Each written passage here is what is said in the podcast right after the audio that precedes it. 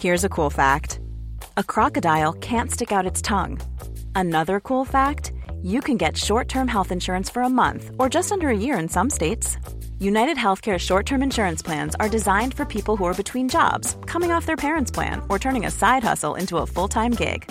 Underwritten by Golden Rule Insurance Company, they offer flexible, budget friendly coverage with access to a nationwide network of doctors and hospitals. Get more cool facts about United Healthcare short term plans at uh1.com. Hi, I'm Daniel, founder of Pretty Litter. Did you know cats tend to hide symptoms of sickness and pain? I learned this the hard way after losing my cat, Gingy. So I created Pretty Litter, a health monitoring litter that helps detect early signs of illness by changing colors, saving you money and potentially your cat's life. Pretty Litter is veterinarian developed, and it's the easiest way to keep tabs on your fur baby's health right at home. Go to prettylitter.com and use code ACAST for 20% off your first order and a free cat toy. Terms and conditions apply. See site for details. Millions of people have lost weight with personalized plans from Noom, like Evan, who can't stand salads and still lost 50 pounds. Salads, generally, for most people, are the easy button, right? For me, that wasn't an option. I never really was a salad guy. That's just not who I am. But Noom worked for me. Get your personalized plan today at Noom.com. Real Noom user compensated to provide their story. In four weeks, the typical Noom user can expect to lose one to two pounds per week. Individual results may vary.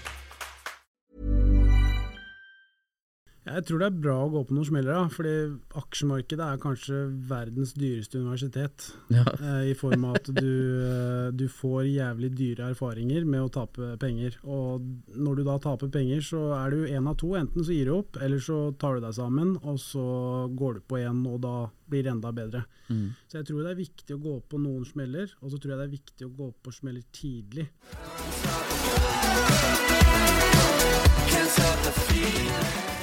Alright, da er vi tilbake med en ny episode av Impressions Pod, og vi har med oss kanskje den som eh, har vært best i økonomi av alle gjestene vi har hatt her, Mats Johannessen. Velkommen til oss. Hyggelig, Stian. Det var voldsomme ord. Ja, det, det, vi prøver å snakke litt opp i gjestene her. 33 år, du er jo bare en ungfole her eh, i forhold til oss. Eh, fra Oslo.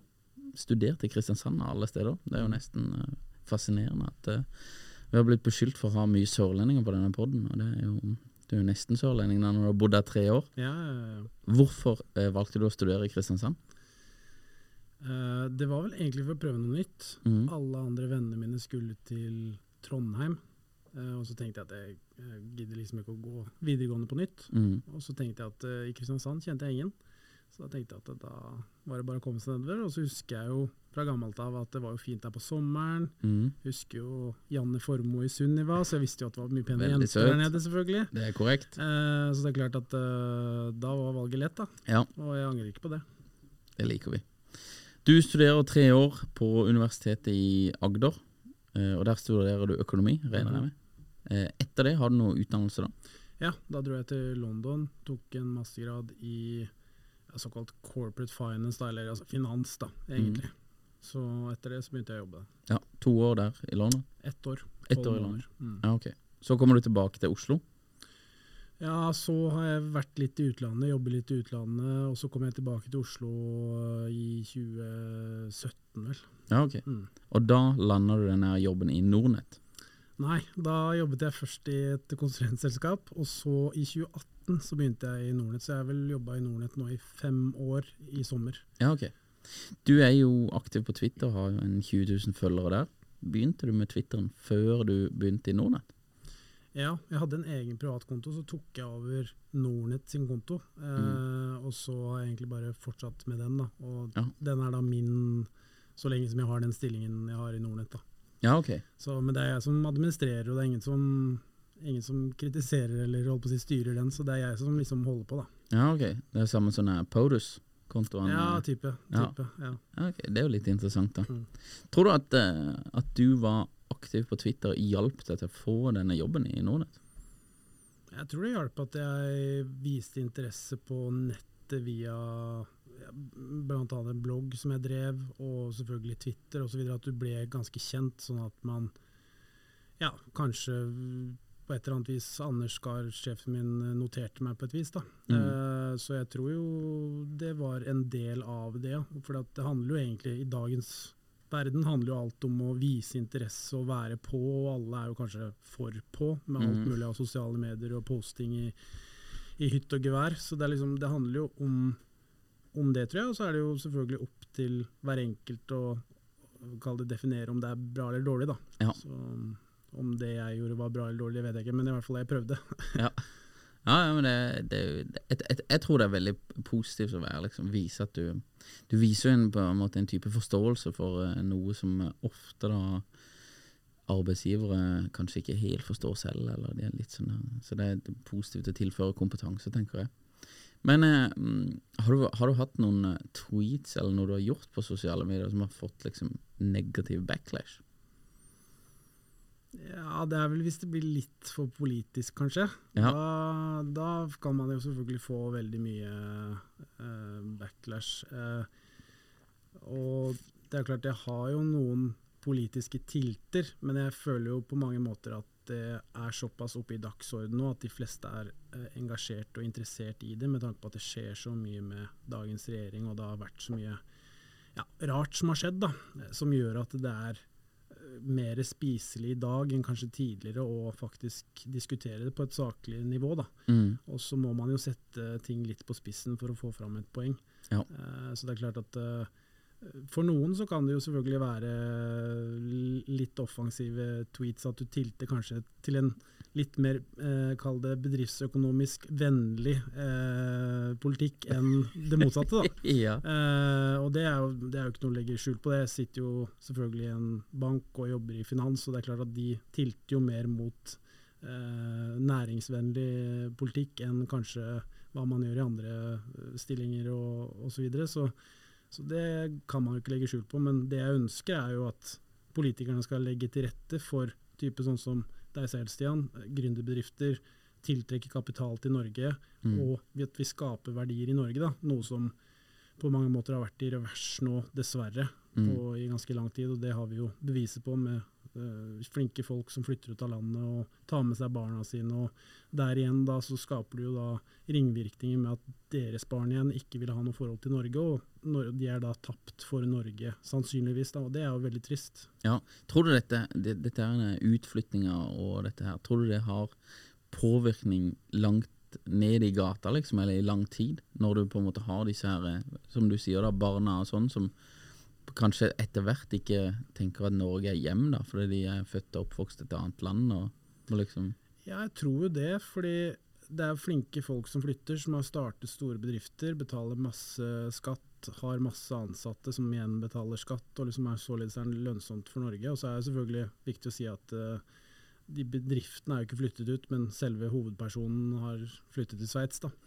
Men jeg tror jo ringvirkninger på sikt, det er vanskelig å si, men sydeforskyvning, altså i 15-20 år framover, så får vi resultat av det som skjer i dag. Ja. Uh, og det er jo det som blir interessant å se, og jeg tror jo dessverre at eh, det har en ganske sånn negativ effekt da, på alle disse som flytter ut, og alle ressursene. Én ting er pengene, men en annen ting er kunnskapen, nettverket og eh, gründerånden og drivkraften til disse personene og, og de rundt de, da, mm. som eh, man gjerne skulle hatt i Norge. For det er jo litt sånn her, det blir jo litt motsatt av det USA i fall har vært i veldig mange år. er på en måte en, en, en, en magnet på de aller beste og skarpeste hodene. Eh, og da blir det liksom ja, Det blir snudd andre veien her, dytter de ut istedenfor. Mm. Nei, jeg tror også det er veldig negativt på lang sikt, altså, det der. Og jeg tror, tror, som du også sier, at det, det regnestykket blir ikke oppgjort før eh, langt, langt frem i tid. Ehm, men tror, tror du at det, som bank at det er liksom positivt å være helt nøytral, eller tror du det er liksom eh, politisk helt nøytral, eller tror du det er positivt for en bank å mene litt, liksom? Jeg tror ikke banken er selvfølgelig nøytral, og kall det logoen er nøytral, men det er jo, jeg tror det er bra at eh, ansatte på en saklig måte sier hva de mener. Da. Mm. Eh, for det er klart hvis det bare blir sånn klam konsensus og alle sier det samme, så kommer man jo ingen vei. Man er jo Mm. nødt til å, å si mye av det man mener for å kunne skape en diskusjon, og det er jo liksom ved diskusjon verden går framover. Ja. At man har ulike meninger, og så er kanskje løsningen et sted midt imellom. Mm. Så jeg tror det er viktig at man eh, i hvert fall kan argumenteres for sitt syn da, i ulike fora, og således få motreaksjoner, og kanskje da kommer til en bedre løsning enn du selv hadde tenkt ut, og sammen med sidemannen. Mm. For jeg har sett dette her med profiler er jo kanskje blitt en sånn her veldig Det er jo kanskje hun Silje som er i DNB da, som har blitt veldig pusha fram. Men hun, du, du er jo en profil til Nordnett, men du opererer jo kanskje mer på sånn her litt makro Du er ikke så mye inne og liksom rådfører folk på privatøkonomi, sånn som eh, Silje er, opererer liksom litt mer der.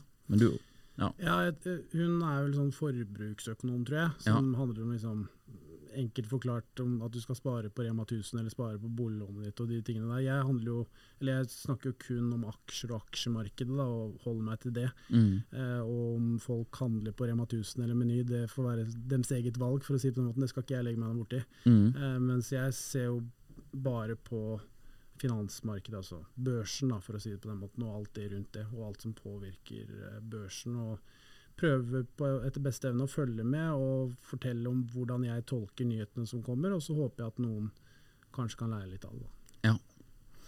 Eh, krona, den går jo, eh, har jo gått eh, nedover eh, Egentlig bare tikka nedover og har svekka seg enormt eh, de siste par månedene. Og har jo eh, litt tilbake her, nå har han jo styrka seg bitte grann igjen, men, men litt tilbake her så var det vel all time low mot eh, dollaren og, og for så vidt euroen også.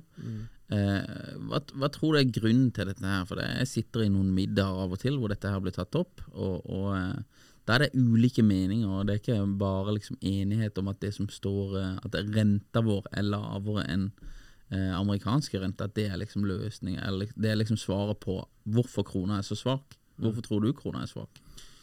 Ja, bare for å si det, jeg tror vel krona er den Jeg tror det er fem valutaer som har vært eh, svakere enn den norske krona i år. Og det er bl.a. den libanesiske valutaen, som veldig få har hørt om. Og man vet jo hva som dessverre skjer i Libanon. Der er det jo eh, krig og elendighet. Så det er jo altså mange typer stater som man tidligere har ikke sammenlignet seg med engang, som har styrket seg i forhold til den norske krona. Men, så det er jo trist, men jeg tror jo det er et sammensatt bilde. Du har rentedifferansen, altså at eh, nå i dag så har Norge lavere rente enn eurosonen og eh, den amerikanske sentralbanken eh, Fed. Det er én ting. Men så har vi også hatt et politisk styresystem den siste tiden som har vært preget av litt sånn Kall det uklar kommunikasjon. Da. Man begynte kanskje med denne lakseskatten, og så begynte man å øke um, formuesskatt, selskapsskatt og liksom skattenivået, som førte til at flere av disse kjente investorene og selskapsbyggerne har flyttet ut. Mm. Og så har du selvfølgelig dette med, det er litt teknisk, da, men likviditeten i krona, altså kjøp og salg i krona, er ganske lite. Og når det er uro i verden, som det har vært nå den siste tiden, med Ukraina-krigen og alle disse tingene her, så vil markedet flykte til såkalte trygge havner, og det er jo da gjerne dollar og euro, som er mye større valutaer. Og det de gjør da, er at de selger jo norske kroner, og så kjøper jo de da dollar eller euro. Noe som gjør at handelen i den norske kronen blir veldig mye mindre, Mm. og således gjør det at lite interesse rundt krona, ingen vil investere, og kursen synker da i forhold til f.eks. dollar eller euro.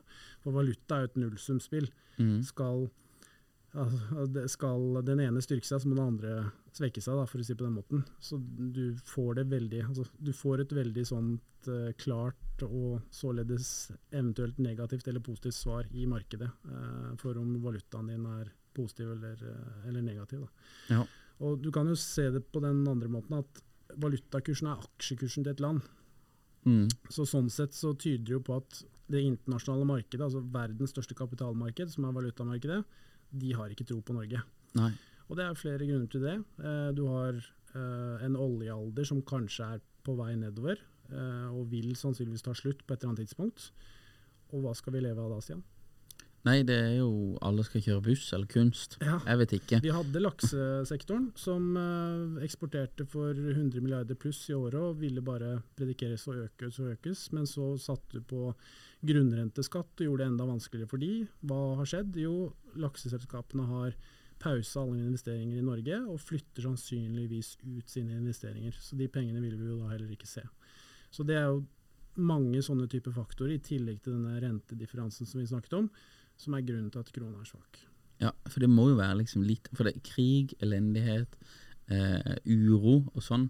Selv på eh, under 2008, hvor det er liksom helt kaos i verdensmarkedet, så er jo ikke, så er jo ikke krona så lav. Altså man, det er jo all time low nå, liksom. Hva er det som skiller dette fra, fra den gangen, liksom? Nei, altså er, jeg tror jo det er uh, den politiske styringen og attraktiviteten til Norge. Altså I 2007-2008 så hadde vi på et kort tidspunkt veldig lav kronekurs pga. når, når det krisen sto på som verst. Men så begynte vi å kunne dra til USA og betale fem kroner for dollaren. ikke sant? Det var ja. helt fantastisk. Jeg var i New York sjøl i 2008, jeg husker jo det. Ja. Det var jo så billig at det, det er jo Det er jo gratis. ja. Uh, mens i dag så er det nok Ja, du har den krigen selvfølgelig som legger en demper på det, men du har rentedifferanse, som vi snakket om. At uh, renta i Norge er faktisk lavere enn de andre stedene. Uh, og så har du jo dette med politisk styring. Da. Og når, du, når internasjonale investorer finner ut at ja, dere har satt plutselig bare opp av hatten satt en lakseskatt på en veldig viktig næring i Norge, det gjør at du Eh, anser Norge da som litt mer politisk ustabilt, noe som har vært helt utenkelig tidligere. Norge har vært kjent som det mest stabile landet, mens nå har vi innført litt sånn klønete da, en del uh, nye skatteendringer som har gjort at markedet har blitt mye mer usikkert uh, for internasjonale investorer. og Da vil investeringer og kapital trekkes ut av Norge, og krona faller. Ja. Nei, Det er veldig fascinerende, det der. Jeg, var, eh, jeg husker ikke helt når det var, men jeg var, jeg, når jeg var 18-19, så jobba jeg på eh, pizzabakeren på Grim og mhm. leverte til Bellevue. Ja, ja, ja. Og Da var jeg en tur i USA også. Da husker jeg regnet om det, at jeg tjente i timelønna mi i dollar var 28 dollar i timen. Og det husker jeg snakka med en fyr der henne, og han sa det var helt, det var helt sinnssykt at jeg tjente 28 dollar i timen som pizzabud. Så, så det var andre tider. Det hadde ikke vært det samme nå. Det hadde vært 14 dollar eller ja, ikke sant. 13 dollar. Ja. Uh, nei, det, det er iallfall interessant å på en måte se når du ser på For det, det, noen vil jo si at dette er bare det at de flytter og sånn, de er på en måte det er bare skatteflyktninger, og de, eh, de, bare klager, og de har så mye penger. Ja, da får de selge litt aksjer da hvis de ikke har råd til å betale formuesskatten og sånn her. Men er det, hva er det på en måte det, det, virker som det er på en måte noe informasjon eller kommunikasjon som blir på en måte lost in translation mellom de ulike sidene. At det er bare det er bare ja, denne formuesskatten og sånn her, det må vi bare tåle, liksom. Eller de rike må bare tåle det. Men hvis du hadde vært Røkke, hadde du flytta du også? Ja, det tror jeg. Ja. Fordi det man ikke tenker på, er at Aker, som er Kjell Inge Røkkes selskap, blir jo et dårligere selskap med at han bor i Norge. For Han er jo nødt til å betale skatteregning hvert eneste år. Mm. Så da må han jo tappe selskapet for penger.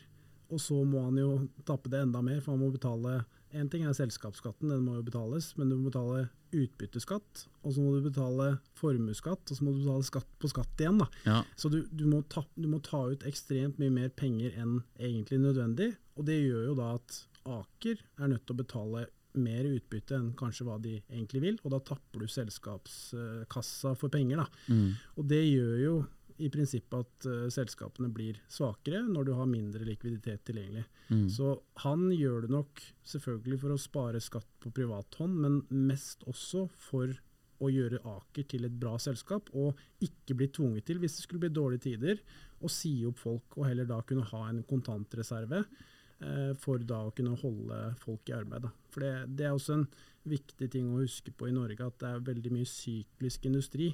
Og nå er det lett å bli blind på at nå tjener vi så mye penger, og oljeprisen er relativt høy, dollarkursen er høy, noe som gjør at oljeprisen i norske kroner er, er høy. da. Mm.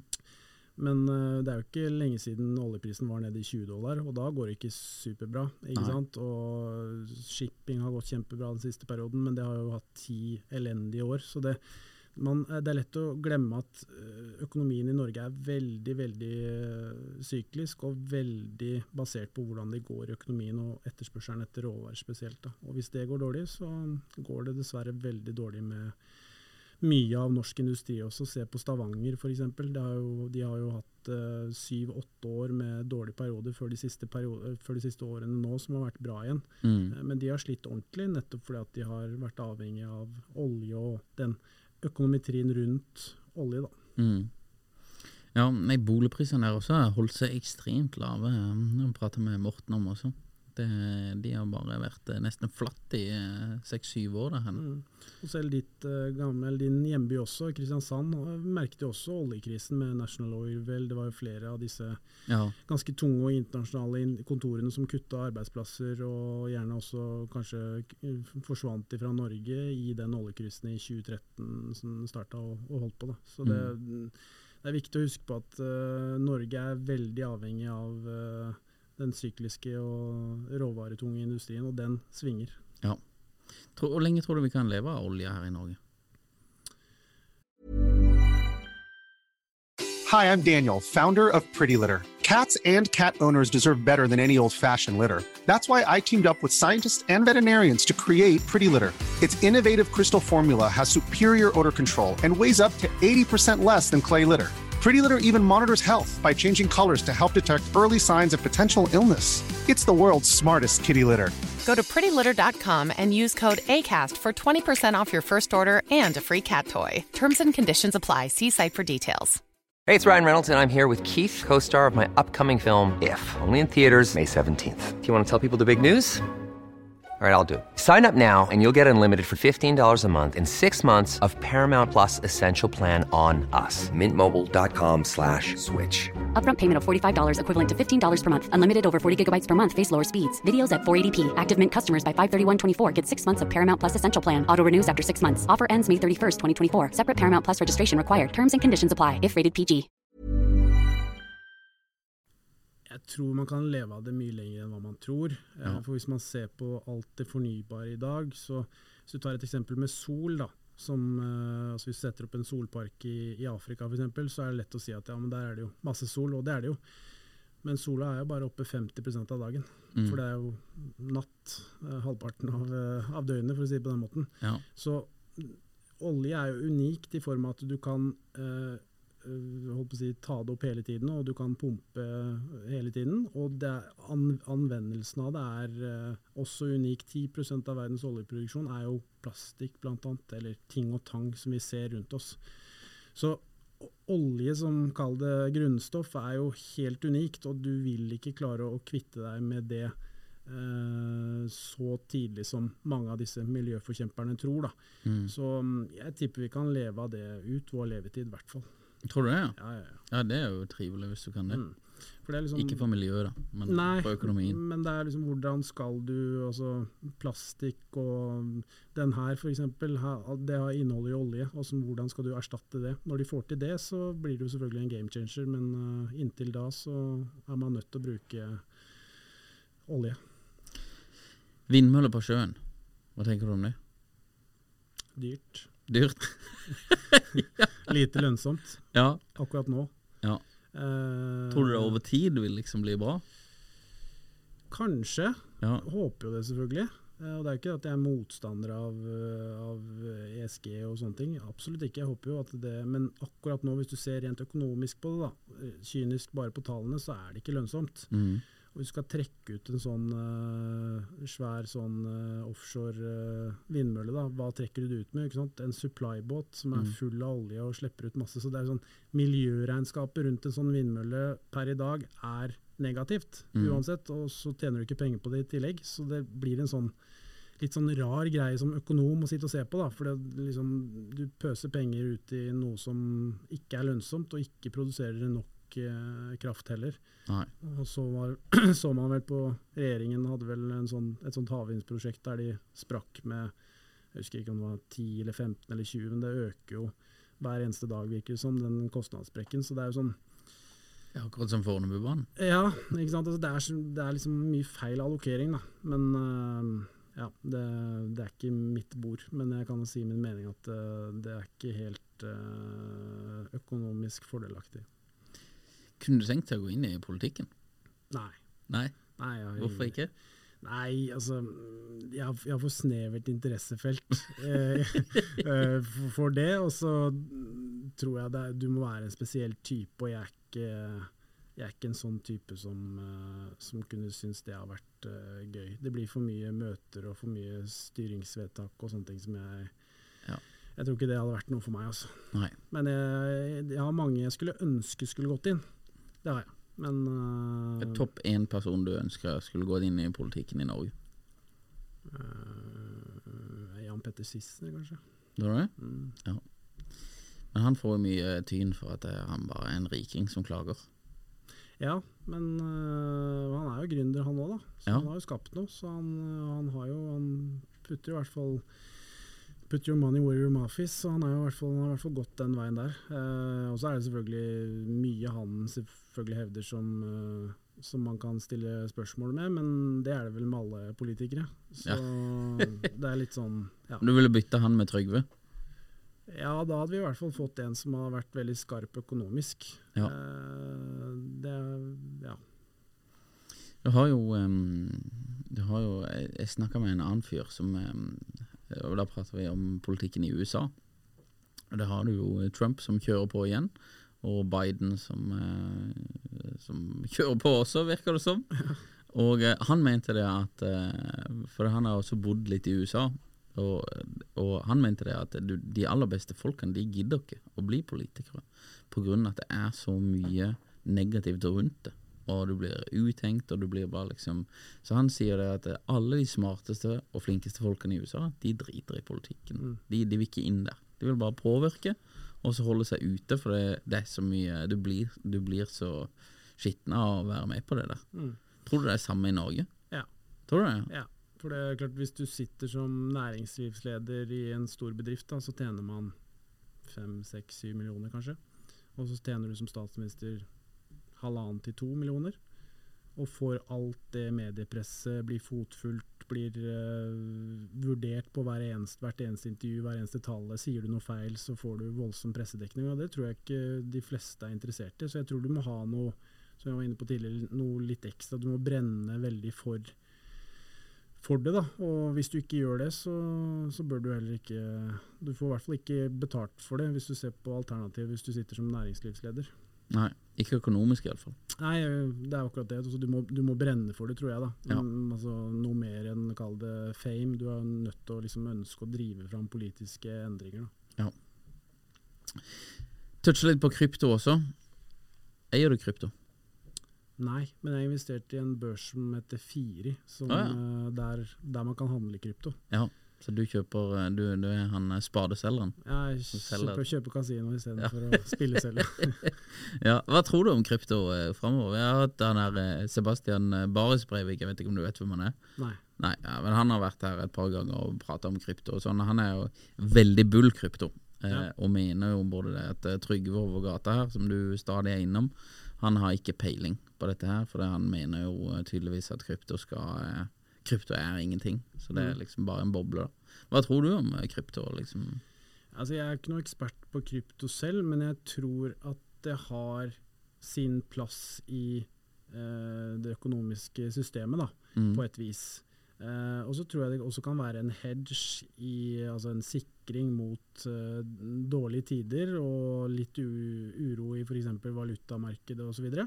så jeg tror nok det har sin sin eh, plass som investeringsobjekt. Om det vil brukes og kommersialiseres som betalingsmiddel i nærmeste framtid, det er jeg litt usikker på, fordi de betalingsmidlene vi i dag har er såpass gode og de fungerer relativt bra.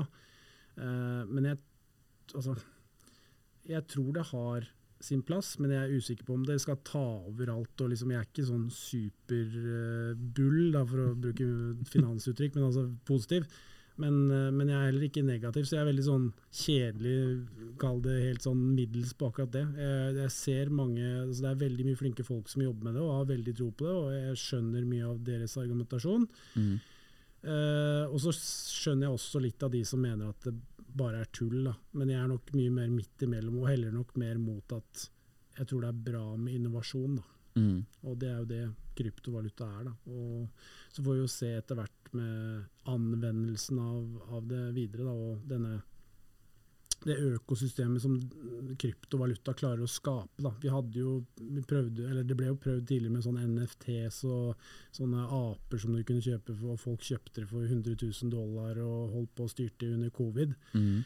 Eh, nå gikk jo det selvfølgelig i vifta, da, men, men det var i hvert fall altså, Noe sånt er jo interessant, at man får en sånn digital eh, digital sånn uh, aktiva klasse som uh, man kan investere i. Ja, mener jo det at eh, Nå driver jo vi med det, men eh, jeg mener jo når, når NFT-er kom, så er det sånn at du kan ikke betale liksom, digitale ting har ikke noe verdi. Men det mener jeg er helt feil. og Så kan man jo diskutere opp og ned i mente med NFT-er.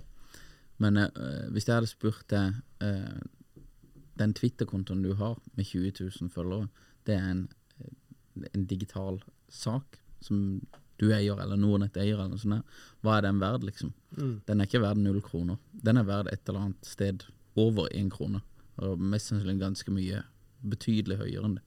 Så du hadde, hvis den hadde liksom blitt tatt, eller sånn, så hadde du betalt ganske mye for å få den tilbake. Mm. Og det er jo en digital asset som, ja. som åpenbart har verdi for folk.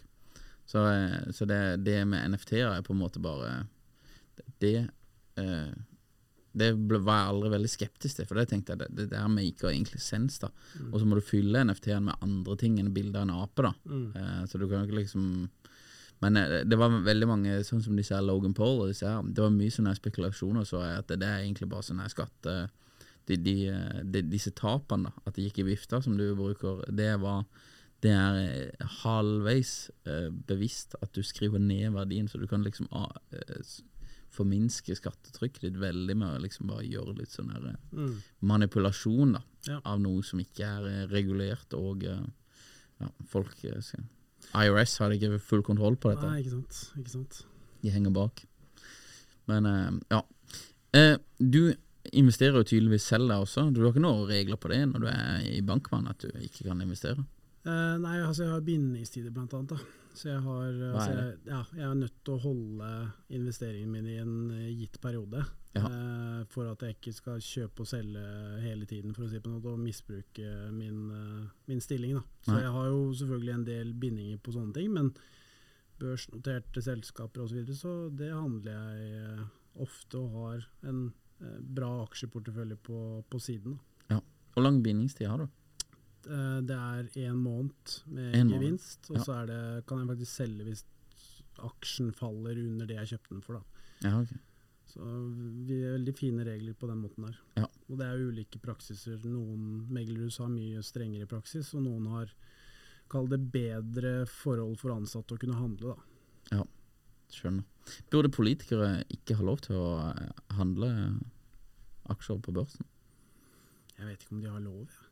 Det er jeg litt usikker på, Jeg faktisk. vet ikke, jeg har sett noen memes på at Nancy Pelosi er ganske rå på ja, ja, ja, ja, ja, de internasjonale. Ja, det, der, der er det jo Jeg tror nok Altså, det handler vel om hva du kan handle i i forhold til hva du har innsikt i. Det var Mm. vel kanskje det som var uh, mer caset med henne. Da, at hun hadde Om hun var om ektemann eller og et eller annet som det var et eller annet du var tett involvert på, da. Eh, så det er klart, uh, jo høyere opp du er altså Jeg tror ikke at statsministeren bør sitte og trade aksjer som har da siste vetorett på alle mulige lover og regler som kommer. Det tror jeg nok uh, man må spare seg for. Men eh, at politikere med riktig reglement kan handle aksjer, syns jeg er bare fint. Det er Ja. viktig at de også deltar i næringslivet.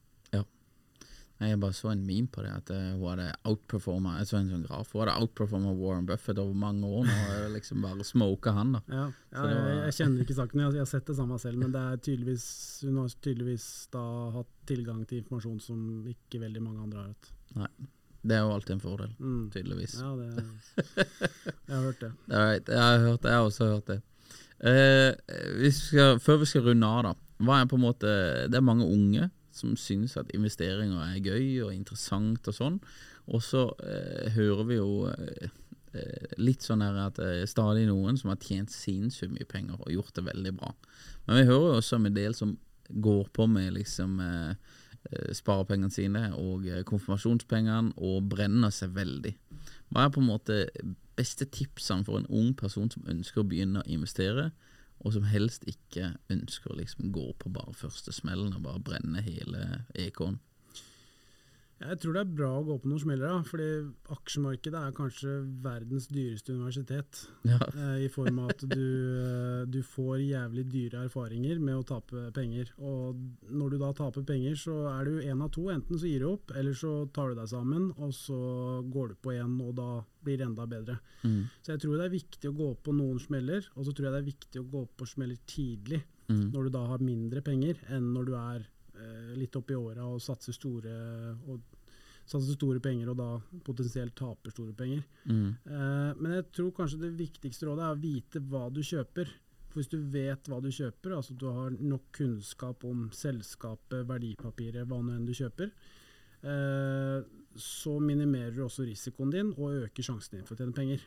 Så mye av min jobb er jo å analysere selskaper og se på regnskap, se om selskapene gjør det bra, har gjort det bra i, i mange år framover. Og hvis jeg finner et selskap som har gjort det bra og tjent mer penger hvert år i ti år, så er jeg ganske sikker på at det ellevte året også blir bra, og Mm. det tolvte året også blir bra. Og med det så har du jo minimert veldig mye risiko for at selskapet skal tape veldig mye penger. Og aksjekurser er egentlig bare en funksjon av inntjeningen. Altså jo høyere inntjening, selskapet, jo høyere selskapet tjener penger, jo høyere vil jo aksjekursen komme på sikt. da. Og så kommer avkastningen ujevnt, men det er veldig sånn tommelfingerregel. Jo mer penger selskapet tjener, jo høyere går aksjekursen. Men stemmer det for Tesla også?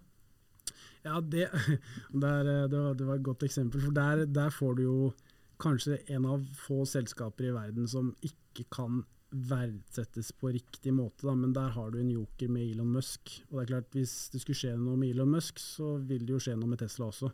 Så mye av aksjekursen og den selskapets utvikling er jo drevet av han som person. da. Eh, og Det så man jo til en viss grad også med Steve Jobs med, med Apple. Nå gikk jo det selvfølgelig veldig bra, da, men, eh, men jeg tror kanskje Elon Musk, i og med at han er såpass outspoken og liksom voicy og sender opp Teslaer i rommet og liksom han er veldig sånn, da, så, så tror jeg at mye av aksjekursen i Tesla er forbundet opp mot han som menneske òg, og alle de som er fans av han. Mm. Så mm, ja. Men Så der er det en diff, liksom? ja, jeg tror det. Ja. Jeg tror det. Bare ba på base av at han er hvem han er. da. Mm. Spennende. All right. Nei, men vi får, eh, hvis du skulle bare, før vi runder av, én aksje som du liker på Oslo Børs Eller Det er ikke sikkert du har lov til å si det, Eh, nei, jeg kan vel egentlig ikke si det, men, Nei, men eh, si Norwegian, da. ja. Ja, nei, nei. Det Ikke Norwegian. Nei, det blir ikke kult. Men si eh, Equinor er bra. Det, det er bra. det Da får du fornybart, og du får olje og gass. Så det er liksom det best Ja. of both worlds. da. Du får Ja. pengene fra olje og gass, og så får du god samvittigheten fra fornybart. er det nesten som å si bare sett pengene i indeksfond? Ja, Ja. Det er det absolutt beste. Det er det absolutt ja, beste. Ja, for de som ikke er interessert og ikke vil drive med dette på bruke mye tid i løpet av uka si, så bør du sette pengene i indeksfond. Ja. Så indeksfond eh, Det er ikke noe indeksfondboble, Nei, jeg tror ikke det. Nei. så det er fake news. Det er godt vi får eh, fasiten her i dag. Det er veldig trivelig, så vi slipper å gå rundt og bekymre oss for disse indeksboblene. At det, det skal liksom ta og knekke hele greia her. Mats, utrolig trivelig at du kom. Utrolig trivelig å få eh, gravd litt i kunnskapen din. Og eh, ja, takk for at du stilte. Tusen Veldig trivelig. Tusen takk for at jeg fikk komme. Veldig hyggelig.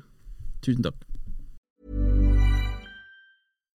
Hi, I'm Daniel, founder of Pretty Litter. Cats and cat owners deserve better than any old fashioned litter. That's why I teamed up with scientists and veterinarians to create Pretty Litter. Its innovative crystal formula has superior odor control and weighs up to 80% less than clay litter.